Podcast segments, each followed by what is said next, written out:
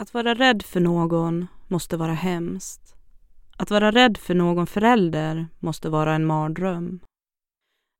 Att vara rädd för ditt eget syskon som bor under samma tak som dig måste vara avskyvärt. Oftast inom familjer där våld, bråk och osämja står som fokus så brukar syskon alltid känna trygghet i varandra. Men när du inte kan känna trygghet i dina egna föräldrar eller i ett syskon som du delar utrymme med, vem ska du då luta dig emot när det blåser som hårdast?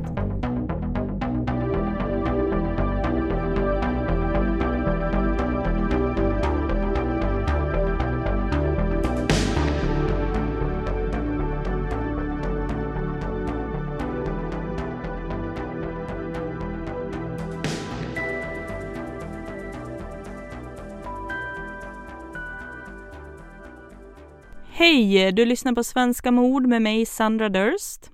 Jag ber om ursäkt återigen för ett sent avsnitt, men det blir lite så här när livet kommer emellan. Men jag försöker verkligen prioritera podden och er. Idag hoppas jag verkligen att ni kan höra skillnad på kvaliteten på ljudet. Jag har en ny mick och det här är nog det bästa jag kan åstadkomma. Innan vi börjar så vill jag be er som vanligt att gå in på iTunes och ge podden en recension så att den syns mer. Podden finns även på Instagram och Facebook och där söker ni efter ett svenska mord. Vill ni hellre skicka mejl så når ni mig på svenskamord.gmail.com. Tack! Idag ska vi dyka ner i fallet mordet på Lottie Nilsson i Vollsjö. Lottie var en 19-årig tjej som hade hela livet framför sig. Hon gick i skolan med bra betyg och såg fram emot tiden efter skolan. Hon ville jobba som frisör och längtade efter en egen lägenhet. Under sommaren 2009 så började Lottie bli rädd för en person i hennes närhet och snart skulle hennes liv tas ifrån henne. Ett mord som splittrade en hel familj. Ett mord så brutalt och kallt att det är svårt att greppa runt det. Här kommer avsnitt 9. Mordet på Lottie Nilsson i Vollsjö.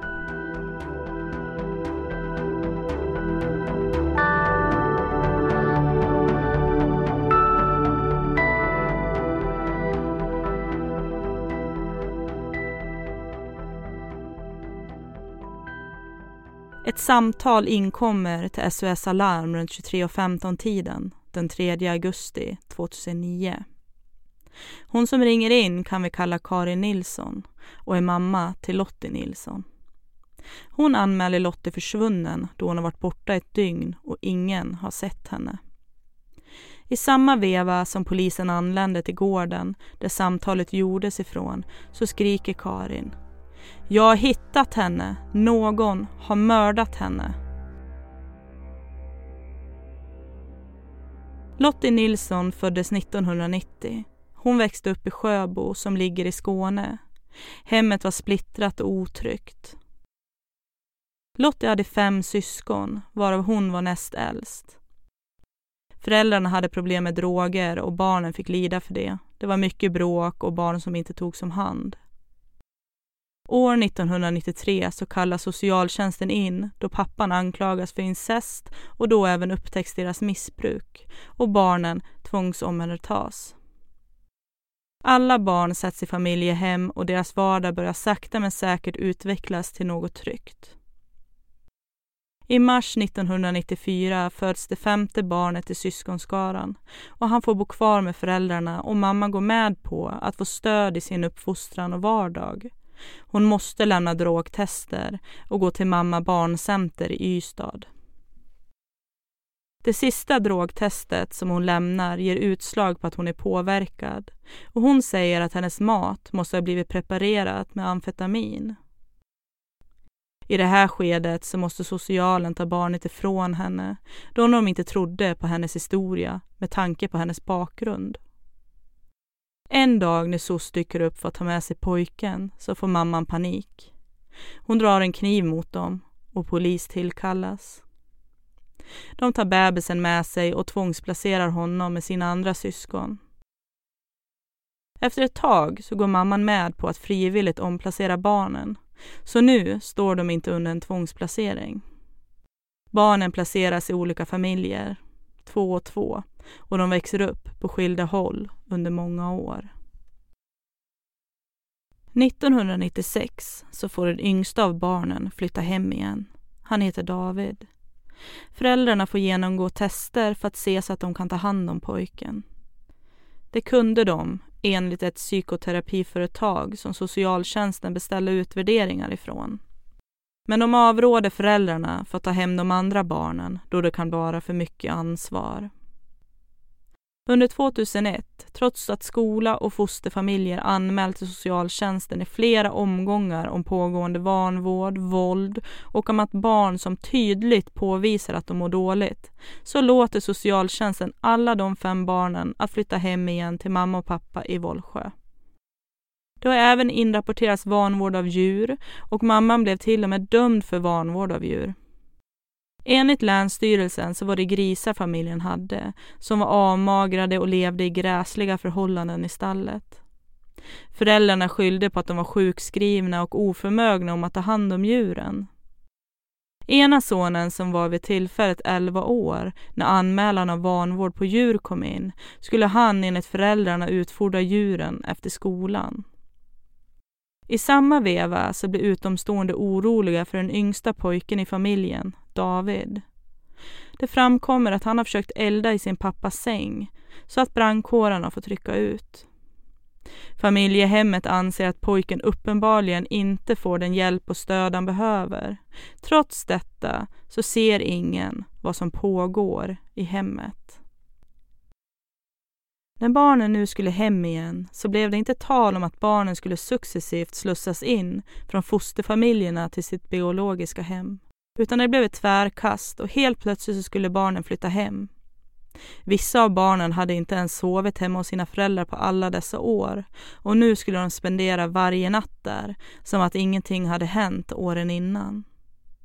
Barnen ringer ofta till sina fosterföräldrar, gråter och ber dem att hämta dem, då det är mycket skrik och bråk hemma. Barnen kände sig otrygga År 2001 så är barnen mellan 7 år och 13 år gamla och under sin tid hos fosterfamiljen så hade de bott åtskilda hem och nu skulle de helt plötsligt bo under samma tak utan några tydliga regler eller ramar att förhålla sig efter. Man kunde konstatera år efter allt som hänt att barnen och fosterfamiljerna blev svikna av socialtjänsten. Att de inte fick det stödet som de hade behövt. Att slussas fram och tillbaka att inte få en trygg punkt att förhålla sig till. Man märker, speciellt på den yngsta i syskonskaran, att han mår inte bra av att flytta och slita sig från det trygga. De får lov att byta förskola, skola och slits från sina vänner. Det är många negativa förändringar som sker för barnen under de här åren. 2003 så skiljer sig de biologiska föräldrarna Mamman får vårdnaden och pappan ser inte sina barn på flera år. 2004 så träffar mamman en ny man, Christer. Och han köper huset i Vollsjö.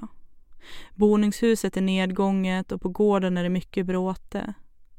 In på gården leder en grusväg. Rakt fram ligger huset där mamman och Christer bor.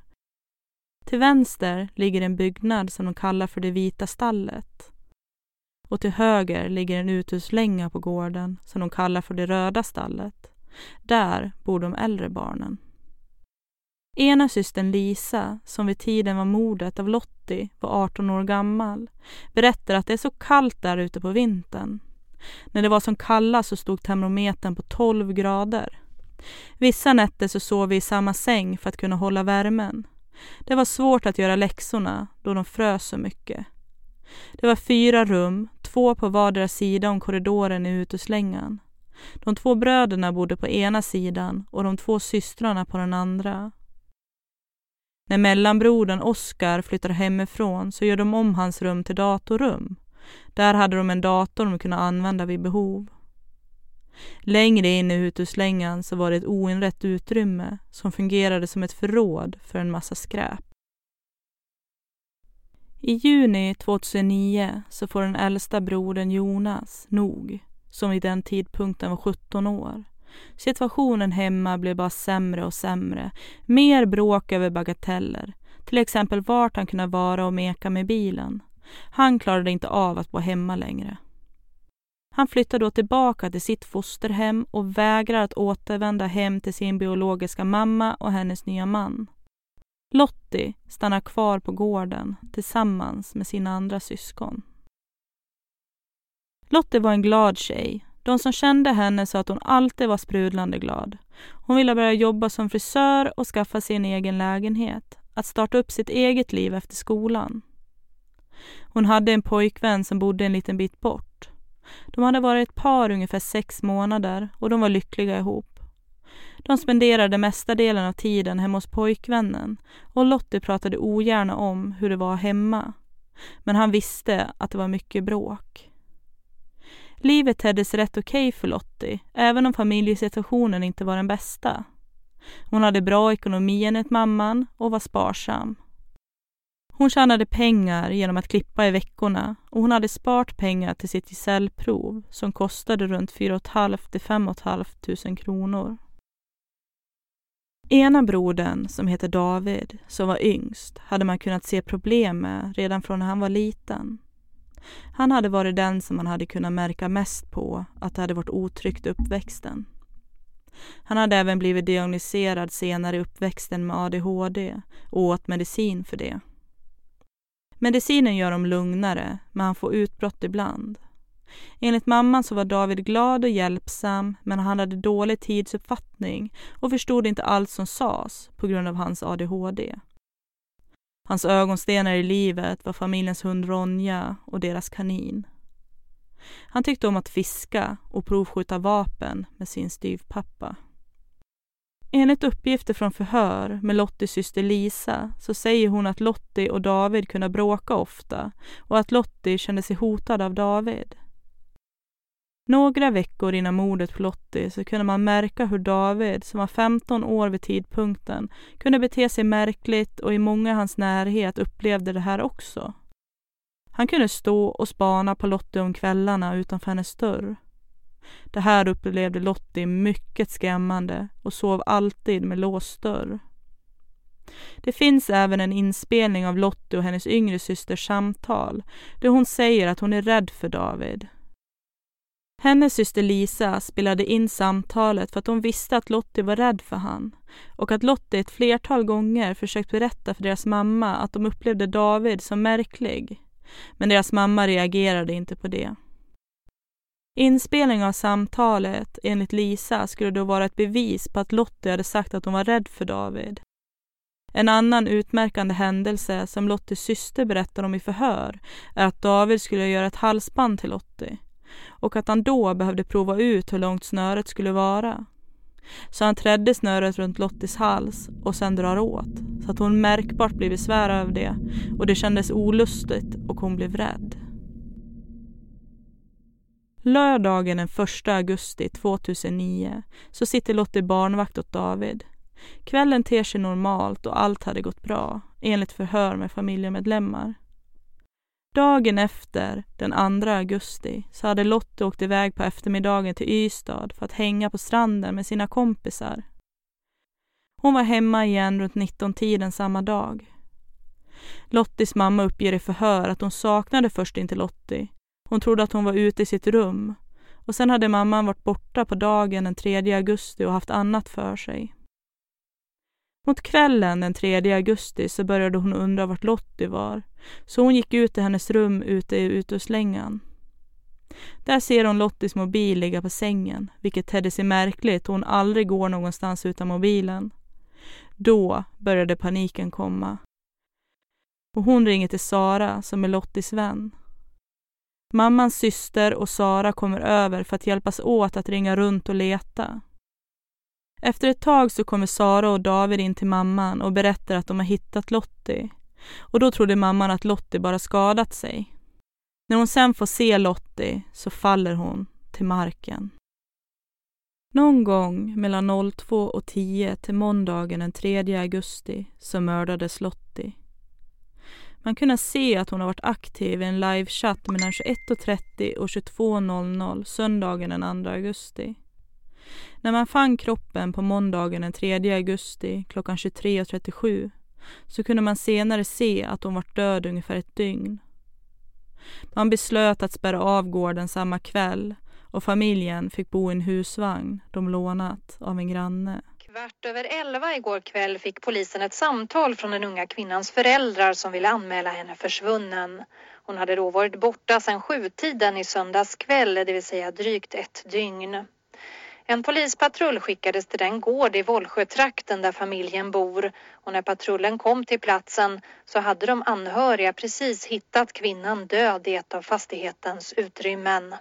Så det sker en avspärrning. Tekniker kallas till plats och eh, man gör även en rättsmedicinsk snabb undersökning där och konstaterar just då att hon har utsatts för yttre våld. Vad kan man säga om skadorna på, på kvinnan? Vi, vi kan inte gå ut med mer än att det är yttre våld. Hon har bragt som livet genom yttre våld. Man tar dit tekniker och börjar arbetet med att reda ut vad som har hänt Lottie. Det man kan komma fram till genom teknisk bevisning, fynd, förhör med familj och nära vänner till familjen är Lottie satt vid datorn i det gemensamma datarummet i uthuslängan den aktuella kvällen. Hon ska ha varit där ute ensam då enligt förhör med familj så ska den yngre systern vara hemifrån och de två andra bröderna bodde inte hemma vid tidpunkten. Det var bara David, mamman och styvpappan hemma den kvällen. När hon satt vid datorn så ska gärningsmannen gått fram och avlossat två skott i Lottis huvud. Sedan ska personerna släpat henne ur rummet på ett liggunderlag eller en matta och gömt kroppen under en massa bråte och kartonger i det närliggande förrådet. Sen ska gärningsmannen ha klätt av henne så att man kanske skulle tro att det var ett sexualbrott som begåtts för att dölja spåren som skulle peka mot personen. Sedan gå tillbaka till datarummet för att städa upp efter sig. Vad man kan se av obduktionen är att Lottie blev skjuten en gång i bakhuvudet och en gång framifrån i pannan. Rena avrättningen. Hon hade inga andra större skador på kroppen, mer än några hudavskrapningar och blåmärken. Dödsorsaken är skottskadorna i huvudet, men man kan inte avgöra vilket av skotten som avlossades först. Det fynd man gör i samband med brottsplatsutredningen är bland annat blod från Lottie på kontorsstolen som var belägen inne i datarummet. Tumavtryck på en av kartongerna inne i förrådet där kroppen hittades. Avtryck och DNA som ska vara från David. En blodig handduk i Davids rum. Blod som tillhör Lottie. Man finner även delar av ett blodigt liggunderlag i Davids garderob med blod från Lottie. Man finner även fyra siffror som är skrivna på Davids vägg inne på hans rum.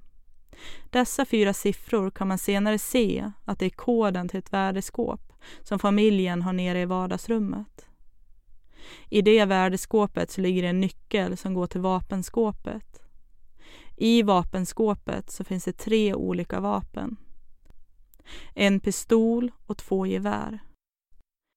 Vid närmare undersökning så kunde det tala starkt för att det var det geväret som hade använts då man hittat hylsor från det geväret inne i datarummet och senare i Davids rum. Blodet inne i datarummet var först inte synligt med ögat.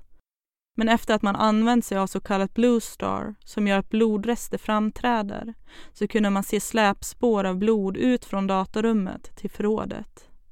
Nu var man helt säker på vem gärningsmannen var man hade kunnat avskriva andra från utredningen genom alibi och DNA. Bland annat Lottis pojkvän. Han hade alibi för den aktuella kvällen. Man anhåller David den 5 augusti och håller förhör med honom. Han häktas fyra dagar senare, den 9 augusti. Han nekar till brott och har ingen aning om vad som kunde ha hänt. Han pratar om att han har sett någon på deras gård smyga omkring och han tänker att kanske den personen är skyldig till brottet. Förhörsledarna köper inte alls det här och påpekar att Davids historia ändrar sig hela tiden och att det framkommer nya saker i hans berättelse. vilket i sin tur gör att han blir mindre och mindre trovärdig. Alla bevis pekar väldigt starkt emot David, men han erkänner fortfarande inte till brott. Det finns inga direkta motiv för David att mörda sin syster. Lottie har dock under sommaren uttryckt sin oro för David och hans märkliga beteende och att hon känt sig rädd för honom, att hennes liv var i fara. Bland annat så uttryckte hon i det inspelade samtalet med sin syster att hon var rädd och kände sig hotad. Det här har legat till grund för att man valt att åtala David för mord. Försvarets teori om vad som hände Lottie är att man påstår att Lotties mamma och styvpappa ska ha mördat Lottie då de bråkade om pengar och att hon skulle flytta och lämna dem i sticket då det var hon som hade en inkomst.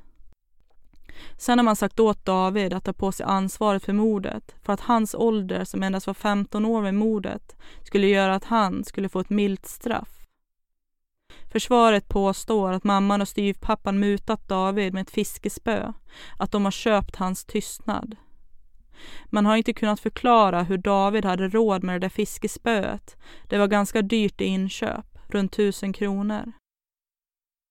David säger att han hittade pengar och köpte det, medan mamman hävdar att hon tror att David snott pengar och köpte. Den här teorin förkastas dock av Ystads tingsrätt, att mamman och styvpappan skulle varit skyldiga till mordet på Lottie.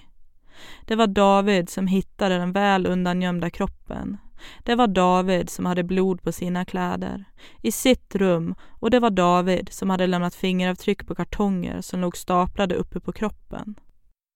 Ystad tingsrätt dömer därför David den 25 mars 2010 till mord på sin syster Lottie mot sitt förnekande. Han döms till rättspsykiatrisk vård med särskild utskrivningsprövning. Man har genom en rättspsykiatrisk bedömning kommit fram till att David har begått brottet med påverkan av en allvarlig psykisk störning. Man anser även att David har stor risk att återfalla i brott av allvarlig grad.